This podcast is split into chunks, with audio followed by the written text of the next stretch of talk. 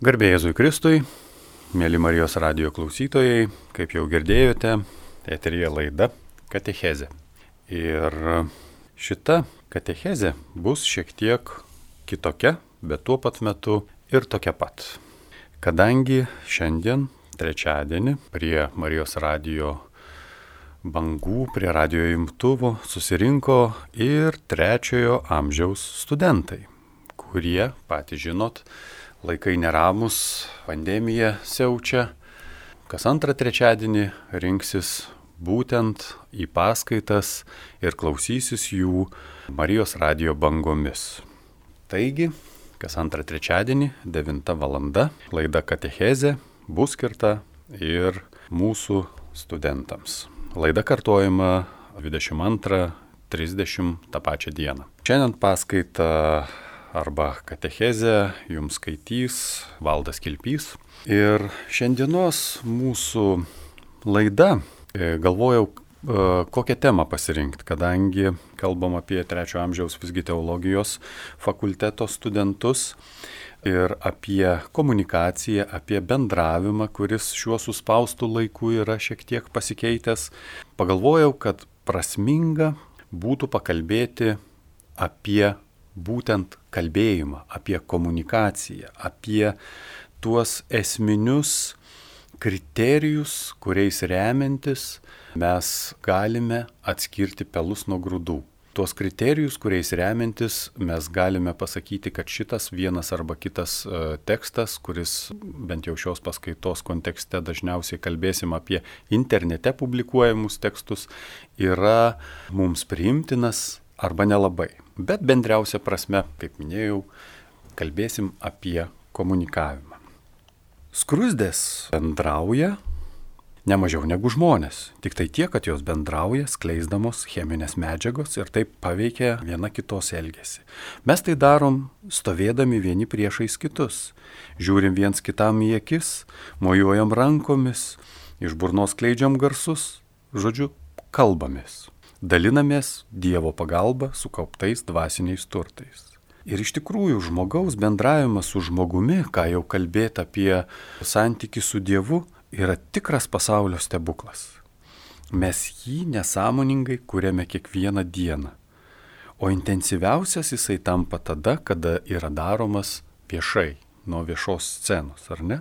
Tačiau šiandien mes tos galimybės neturime. Nematome vienas kito akių, nejaučiame nuotaikų ir net, pasakysiu paprastai, neužuodžiame tos auditorijos kvapų. Žodžiu, mūsų bendravimas yra limituotas. Jūs turbūt pagalvojot, prie ko čia kvapai. Bet dėstydamas iškalbos meną Lietuvos kariuomenės mokykloje, Ką esu pastebėjęs? Esu pastebėjęs, kad žmonės apie komunikaciją dažniausiai masto labai vienpusiškai. Tai yra, kad, kad mūsų komunikacija yra grista vien žodžiais, tačiau tai yra siauras požiūris. Bendraujame žodžiais, intonacija, išvaizda ir dar begalė kitų kanalų, apie kuriuos galime tik nujausti. O jeigu tiksliau, kalbant mokslingiau, bendraujame verbaliniu ir neverbaliniu būdu. Gaila, kad šį kartą paskaitą tenka vesti apsiribojus tik verbaliką. Ir šiandien mes bendrausim radio pagalba. Virtualiai ir labiau verbališkai. Ir e, kaip jau minėjau, būtent pats komunikavimas, bendravimas ir taps viena iš tų ašinių temų, kurias mes aptarsime būtent šitos paskaitos pokalbio katechezės metu. Ir tai e, turėsime nuo ko atsispirti, kalbėdami kitomis temomis. Būsime aptarę patį įrankį, kurio pagalba bendraujame šiais neramiais laikais. Štai e, daktarė Justė Milušauskinė savo praeitais metais apgintoje disertacijoje sako, kad bažnyčios komunikavimas arba bažnyčios komunikacija yra bet kuri bažnyčios komunikacinė, evangelizacinė, katechetinė, pastoracinė, misionieriška veikla susijusi su Jėzaus Kristaus gerosios naujienos perdavimu. Tai, ką mes darome čia ir dabar, taip pat vadintina bažnyčios komunikavimu. Nes galiausiai skleidžiame gerąją naujieną. Ir tai yra mūsų pagrindinis, esminis tikslas, net jeigu remiantis paskaitos tema, kiek kitų kampų žvelgiame į pasaulį, tai vis tiek lieka it koks šviturys, kuris nurodo mums kelią. Ir komunikacija arba bendravimas vyksta visur ir visada. Jis daro didžiulę įtaką žmonėms nuo pat jų gimimo. Jeigu žvelgiant į šito žodžio kilmę etimologiškai, žodis komunikacija yra kilęs iš lotiniškų žodžių komunis, kuris reiškia bendras, ir komunikare, kuris reiškia dalytis arba daryti bendru. Tai yra tam tikras bendrystės, e, bendrystės išraiška. Ir tai rodo, kad komunikuojantis asmenys siekia sukurti tam tikrą bendrumą su tais, kuriems komunikuojama. Arba randasi bendras vienis, kurį galime pavadinti bendryje.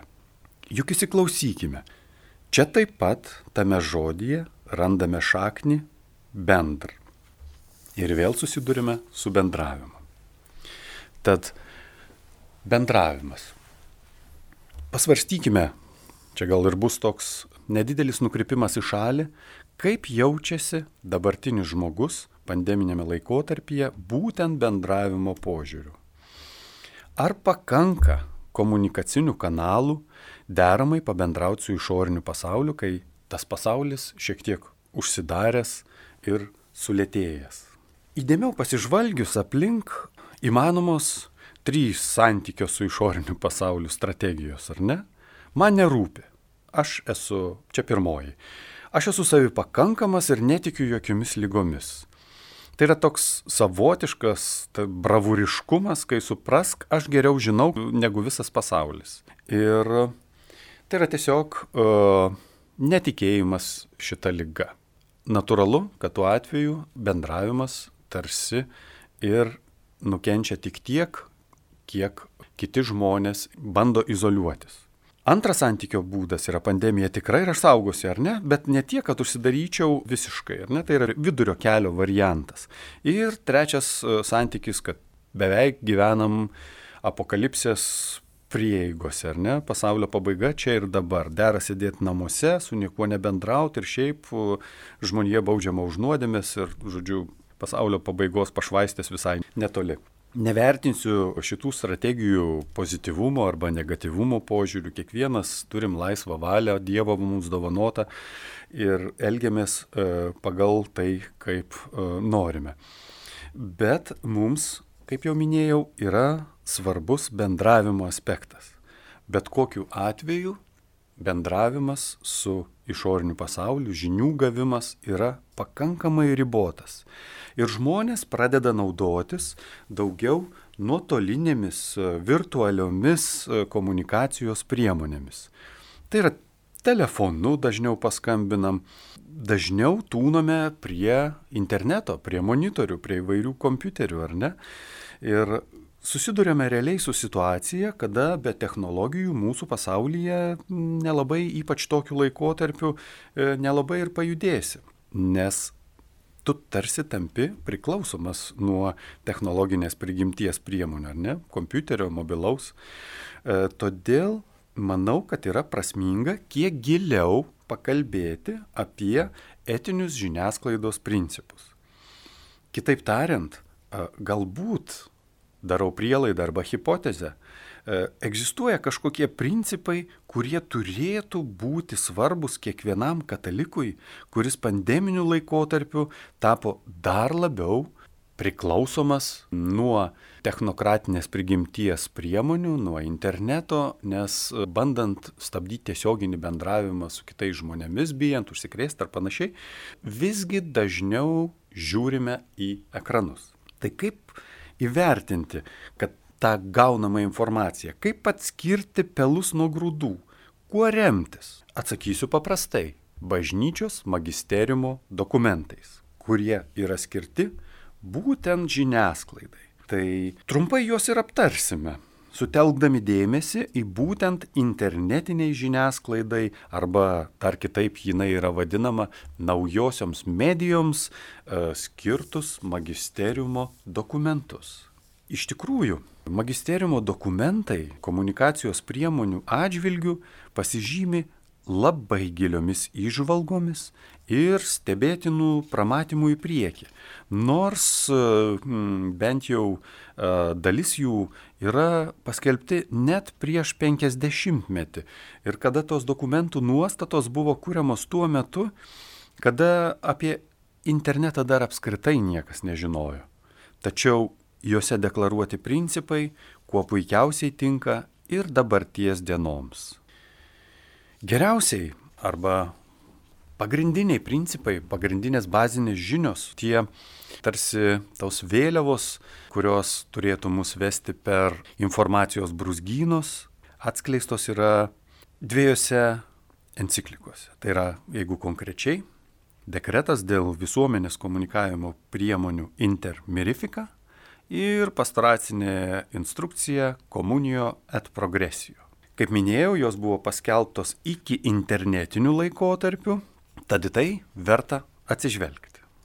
Ir dar svarbiau yra deklaruoti esminę bažnyčios magisteriumo nuostatą, kad nežiūrint savo prigimties, komunikavimo priemonės yra laikomos Dievo dovanomis. O pats komunikavimas yra itin vertinamas, nes pats Kristus vadinamas tobulų komunikuotojų. Tačiau apžvelgiami dokumentai, kurių pagrindų grindžiamas tiek visos bažnyčios, tiek individualaus tikinčiojo santykius su naujosiomis medijomis.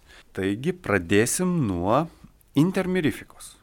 Dokumento pasirodymo metu virtualiosios erdvės ir moderniųjų technologijų išsivystimo lygis nebuvo tapatus dabartiniam. Tačiau pagrindinės nuostatos yra gerokai pralenkiančios to meto supratimą. Šia, prati, šia prasme, tin svarbios yra tos intermirifika nuostatos, kuriuose kalbama apie moralės normų svarbą naudojantis žiniasklaidos priemonėmis. Cituoju. Deramam naudojimusi šiomis priemonėmis būtina, kad visi, kurie jomis naudojasi, būtų susipažinę su moralės normomis ir tvirtai jų laikytųsi. Drauge te atsižvelgia į visas sąlygas bei aplinkybės - tikslą, asmenis, vietą, laiką ir kitą, kuriomis vyksta šis perdavimas ir kurios gali pakeisti arba visiškai iškreipti turinio moralinę vertę. Tai prašoma ketvirtame skyriuje. Taigi, kai susidurėme su kokiu nors tekstu, negalima, panašiai kaip e, kalbant apie bendravimą, kreipti dėmesį vien į patį tekstą. Reikia pagalvoti, koks šio teksto tikslas, kas jo autorius, kada ir kaip jisai pasirodė. Žodžiu, dera mąstyti gerokai plačiau popiežiškos visuomenės komunikavimo priemonių komisijos pastoracinėje instrukcijoje Komunijo et progresijoje, kuri buvo išleista 1971 metais, sakoma, kad visuomenės komunikavimo priemonių nauda pirmiausiai turi būti grindžiama visuomenės bendrystės ir pažangos siekiais. Ir e, šitame dokumente na, prieš tai minėtos intermirifika mintis yra gerokai išplėtojamos, su šio laikinamos, e, būtent aptariant detaliau etinius principus. Čia vėlgi sakoma, kad bet kokia komunikacinė priemonė mums yra Dievo dovana. Cituoju. Būdama žemėje, Kristus atsiskleidė kaip tobulas komunikuotojas įsikūnydamas jis priemė prigimti tų, kuriems bus skirta jo naujiena, pertekta ir jo žodžiais, ir gyvensina. Jis kalbėjo jiems iš vidaus, tai yra būdamas tarp savo tautos ir skelbė dieviškąją naujieną įpareigojančiai atkakliai ir be kompromisų. Kita vertus, jis perėmė jų kalbėseną bei mąstyseną, prisitaikydamas prie jų vietos ir laiko sąlygų komunikavimas yra daugiau negu idėjų raiška ir jausmų rodimas. Giliausiaje savo prigimtimi tai yra meilės kupinas savęs dovanojimas. 11 skyrius. Labai prasmingi žodžiai, kad pats komunikavimas, pats bendravimas savo prigimtimi, pasikartosiu, yra meilės kupinas savęs dovanojimas. Kreipkime akis į dar vieno dokumento nuostatas.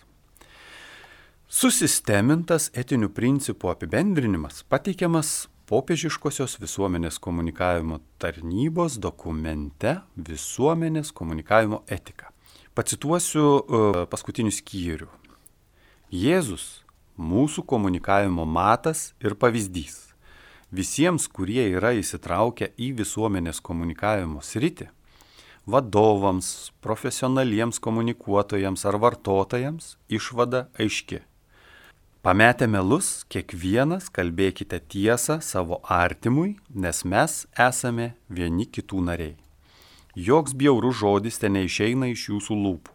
Kalbėkite vien, kas gera, kas prireikus ugdo ir duoda malonę klausytojams. Tarnavimas žmogui, solidarumu, teisingumu ir meilė pagristo žmonių bendruomenės statydinimas ir tiesos apie žmogaus gyvenimą ir jo galutinę pilnatvę Dieve skelbimas yra ir bus visuomenės komunikavimo etikos šerdis. Dar vieni tikrai prasmingi žodžiai, kurių neišmetant iš galvos, viskas darosi gerokai aiškiau. Tikrai stiprų žodžiai. Dar vienas dokumentas, kur galima rasti interneto įtakų bažnyčiai ir priešingai aptarimą, tai dokumentas, kuris tiesiog taip ir vadinasi. Bažnyčia ir internetas. Popiežiškoji visuomenės komunikavimo priemonių tarnyba 2002-aisiais išleido šį dokumentą, kuriame bendriausiais bruožais e, yra aptariamas bažnyčios ir interneto santykis. Dokumentas, kaip minėjau, bažnyčia ir internetas. Tai pirmasis dokumentas, kuriame internetas yra aptariamas tiesiogiai, nemenamai, kaip tai buvo intermirifika ir komunijoje at progresijo atveju. Pradėkime nuo įžangos. Cituoju. Bažnyčios domėjimasis internetu yra jos ilgalaikio domėjimosi visuomenės komunikavimo priemonėmis ypatinga apraiška. Laikydama šias priemonės istorinio mokslinio proceso, leidžiančio žmonijai atrasti vis daugiau visoje kūrinyje glūdinčių išteklių ir vertybių rezultatu, bažnyčia dažnai reiškia įsitikinimą, jog tai, tariant Vatikano antrojo susirinkimo žodžiais, nuostabiausi technikos išradimai jau nemažai prisidėję prie žmogiškųjų poreikių tenkinimo ir galintis prie to dar labiau prisidėti. Tad ir čia sutinkame bažnyčios magisteriumo požiūrį į komunikavimo priemonės labai teigiamą. Pastoracinėje instrukcijoje komunijoje at progresijo, cituojant popiežiaus Pijaus XII 57 metų encikliką Miranda Prorsus, pabrėžiama, kad bažnyčia vertina šias priemonės kaip Dievo dovanas, nes jos pagal dieviškosios apvaizdos planą, susaisto žmonės broliškais ryšiais, kad jie per tai prisidėtų prie Dievo išganomojo darbo. Mes irgi laikomės tokio požiūrio ir toks turėtų mūsų požiūris ir būti į interneto atžvilgių, ar ne? Taigi, čia darant šio kitokį apibendrinimą, kalbant apie internetą, bažnyčia turi du tikslus. Nukreipta išorėn, Tai yra bažnyčiai rūpi skatinti sklaidą, naudojimą bendrojo gėrio ir teisingumo ir taikos labui. Bažnyčia siekia daryti įtaką komunikavimo politikai, remia tuos, kurie savo darbų prisideda prie žmogaus pažangos ir Evangelijos kelbimo. Ir būtina skatinti jų teisingą plėtotę ir teisingą naudojimą. Ir uh, Atsižvelgiant į visuomenės komunikavimo svarbą, bažnyčia trokšta sąžiningo ir pagarbaus dialogo su komunikavimo priemonių e, atsakingaisiais darbuotojais. Tai yra trokšta dialogo. Kitas tikslas - nukreiptas vidun. Tai yra bažnyčiai rūpi komunikavimas pačioje bažnyčioje kaip bendruomenėje ir jos pačios komunikavimas. Ir e, šitas komunikavimas apima daugiau negu vien technika, nes remiasi tėvo, sunaus ir šventosios dvasios bendrystė. Būtina suvokti, kad trinitarnė bendrystė pasiekia žmoniją. Sūnus yra tėvo amžinai tariamas žodis ir Jėzuje Kristuje ir per jį, sūnų ir įsikūnijusi žodį, Dievas dovanoja save ir savo išganimą kiekvienam žmogui. Pabrėžiamas aiškus net tokios stereotipiškai mastant, bet dieviškos e, komunikavimo priemonės kaip internetas - dieviškumo pobūdis. Nenustabu, nes Dievas su žmonija toliau bendrauja būtent per bažnyčią, o komunikavimas įvairiomis priemonėmis yra, kaip jau buvo pasakyta, ne kas kita kaip Jėzaus Kristaus gerosios naujienos perdavimas. Taigi dokumente laikomasi nuostatos, kad bet kokios naujos technologijos, tarnaujančios kūrinyje glūdinčių išteklių ir vertybių radimui ir sklaidai, sulaukia teigiamo bažnyčios vertinimo. Dabarties interneto amžiuje galime tik spėlioti, kokių technologijų rasis ateityje, tačiau tikėtina, kad bažnyčios požiūris iš principo neturėtų keistis ir jų dar netrastųjų technologijų atžvilgių. Jis ir toliau išliks teigiamas. Kalbant apie ateitį, neįmanoma išvengti ir pavojų deklaravimo.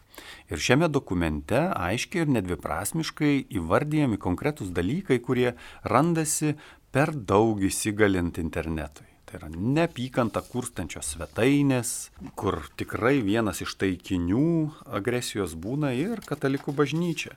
Bet e, šioje paskaitoje gal apie verbalinę agresiją detaliau nekalbėkime. Tai tikrai didelė ir atskira tema verta atskiro aptarimo. Tiesą pasakius, tai yra tema, iš kurios net ir disertaciją parašiau.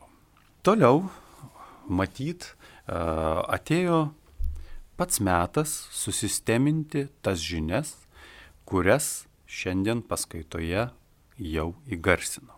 Pirmoji. Bažnyčios magisteriumo dokumentai pasižymi giliomis įžvalgomis ir stebėtinų būsimų aktualijų numatymų dėl, kalbant apie komunikacijos priemonės arba konkrečiai apie internetą prieš 50 metų paskelbtų dokumentų nuostatos buvo kūriamos tuo metu, kada, kaip minėjau, interneto net ir nebuvo. Bet juose randami principai, kuo puikiausiai tinka ir dabarties dienom. Tai ką reiškia šita išvada, jeigu pamaščius plačiau? Kad pagrindas Kristus yra toks gilus, toks pakankamas, kad iš to išplaukiantis teiginiai visiškai galioja ir toms gyvenimo realybėms, kurių tuo metu net ir nėra. Todėl neatsitiktinai paminėjau ir tas kitas komunikacinės priemonės, kurios nebejotinai rasis ateityje ir esu visiškai įsitikinęs, kad skaitant tas pačias enciklikas, bažnyčios magisteriumo dokumentus, ten randamos nuostatos visiškai galios ir būtent toms naujosioms komunikacinėms priemonėms. Antroji išvada. Atsižvelgiant į tai, kad pagrindiniuose bažnyčios dokumentuose komunikavimo priemonės yra laikomos Dievo dovanomis, o komunikavimas itin vertinamas, nes pats Kristus yra vadinamas tobulų komunikuotojų. Tai atsižvelgiant į šitą teiginį ir darant galutinius apibendrinimus, įvairiose ir mano išvardintose, kadangi tai nėra galutinis šitų dokumentų sąrašas, kur dar popiežiaus laiškai, kur dar kiek smulkesni dokumentai, yra deklaruojami tokie etiniai principai. Tai yra, suskirstikim juos į tris. Pirmasis arba A. Tiesa ir teisingumas. Jeigu jūs skaitote kažkokį tekstą ir jeigu tiksliai identifikuojate, kad kažkokia tai faktologija netitinka realybės, kad tiesa yra iškreipta, pirmas signalas, kad ko gero šitas visas straipsnis, tekstas ar kaip jį be pavadinsime, yra neetiškas, nes tiesą privalu sakyti. Antrasis arba B. Atsakomybė socialinių, ekonominių, politinių ir kitais požiūriais. Čia kyla autoriaus atsakomybės problema. Jeigu jūs skaitote kažkokį tekstą ir matote, kad jis yra parašytas neatsakingai, jis galbūt kiršina visuomenę, galbūt žmonės paskaitę tą ar kitą straipsnį dar labiau tarpusavyje susipriešins. Tai reiškia, kad autorius arba visa ar redaktorius ar visa žiniasklaidos priemonės administracijos nuostata yra neatsakinga Ir ar socialinėme pjūvyje, ar ekonominėme, ar politinėme, ar kitų požiūrių žvelgiant, šitas tekstas prie bendrojo gėrio neprisidės. Ir jeigu jūs susitinkate su tokiu tekstu, be jokios abejonės, tai vėlgi nebus tai, į ką dėrėtų kreipti rimtai dėmesį. Ir C arba trečiasis etinis principas yra pagarba žmogaus orumui. Žmogus ir žmonių bendruomenė yra visuomenės komunikavimo priemonių, nesvarbu kokios tai būtų, ar analoginės, ar skaitmeninės, naudojimo tikslas ir matas. Komunikuoti turi žmogus su žmogumi ir tai turi tarnauti visapusiškam žmogaus vystimuisi arba bendriausia prasme ėjimui link Dievo.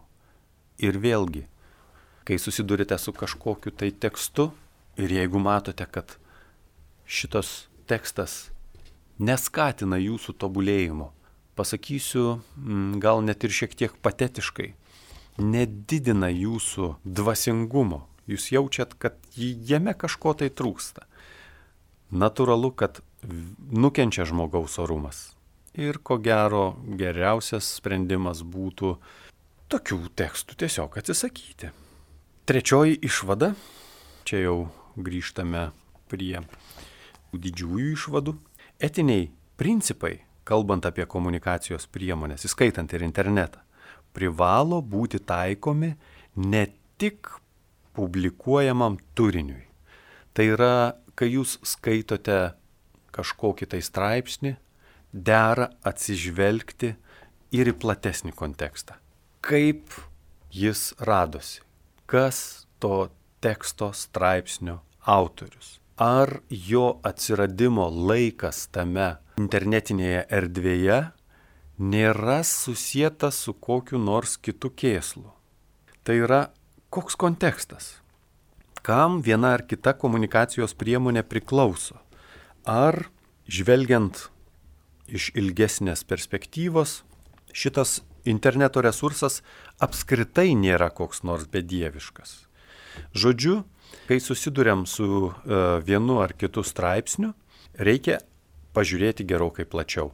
Ne vien į tai, kas rašoma, bet ir kada rašoma, kas tas rašytojas ir galiausiai koks yra to rašymo komunikacijos priemonės vertybinis stuburas. Ketvirtoji išvada.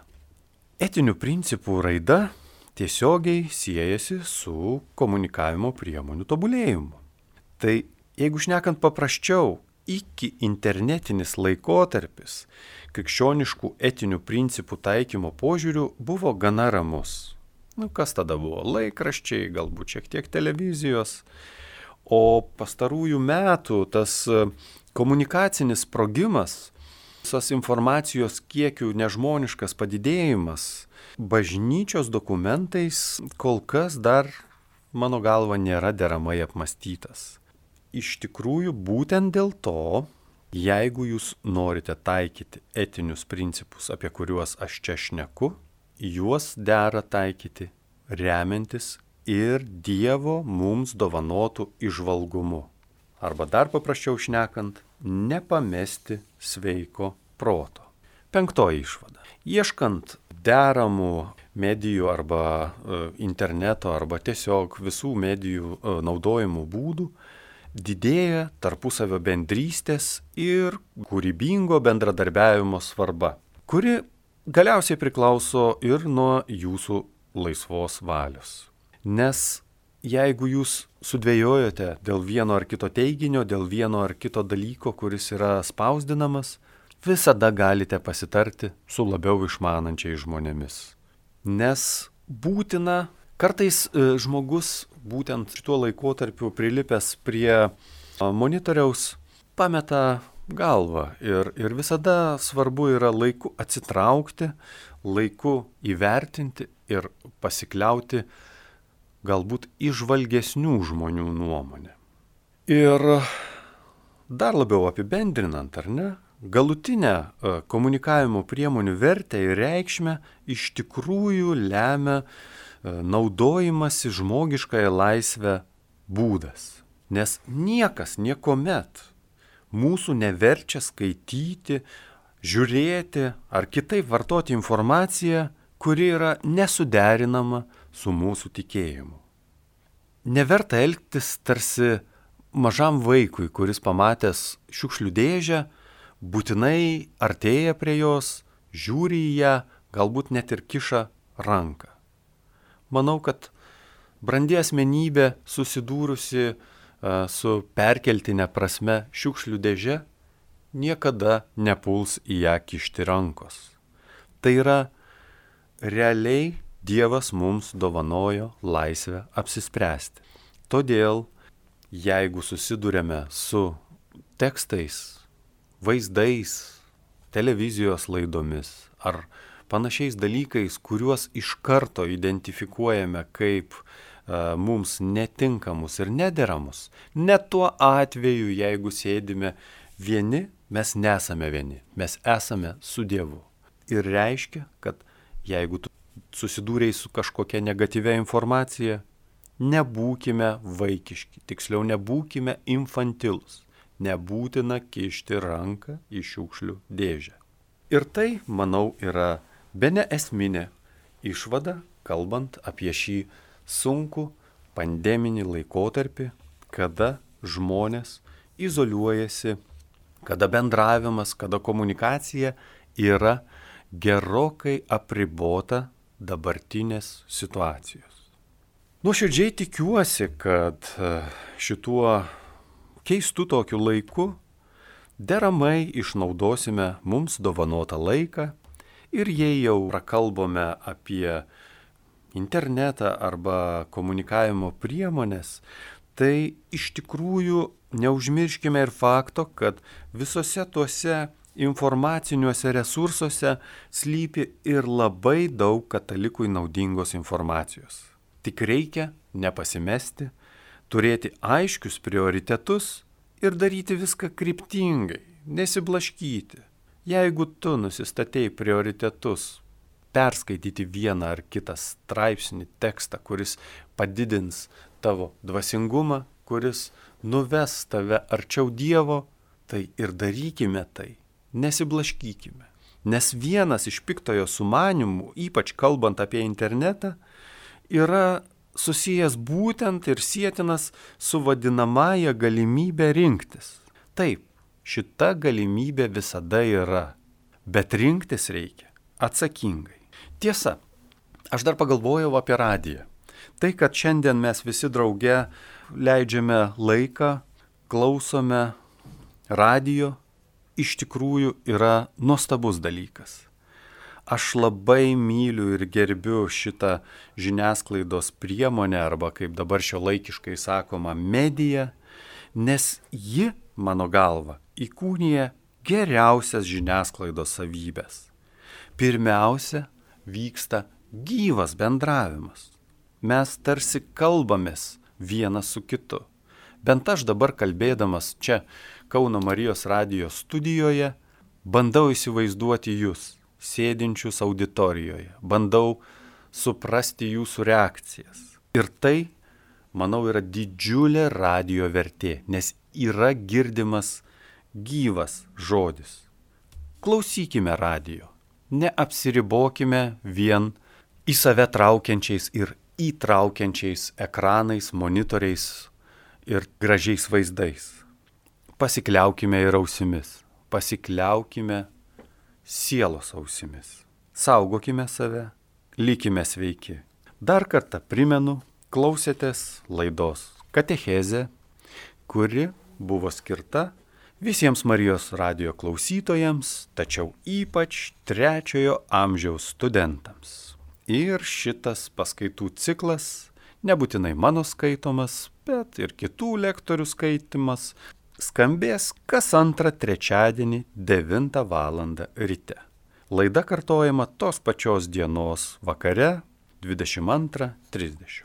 Prie mikrofono buvau aš Valdas Kilpys. Dar kartą linkiu visiems likti sveikais, saugokime save ir atsakingai naudokimės viso tuo informaciniu burbulu, kuris apie mus yra susikaupęs. Likite sveiki.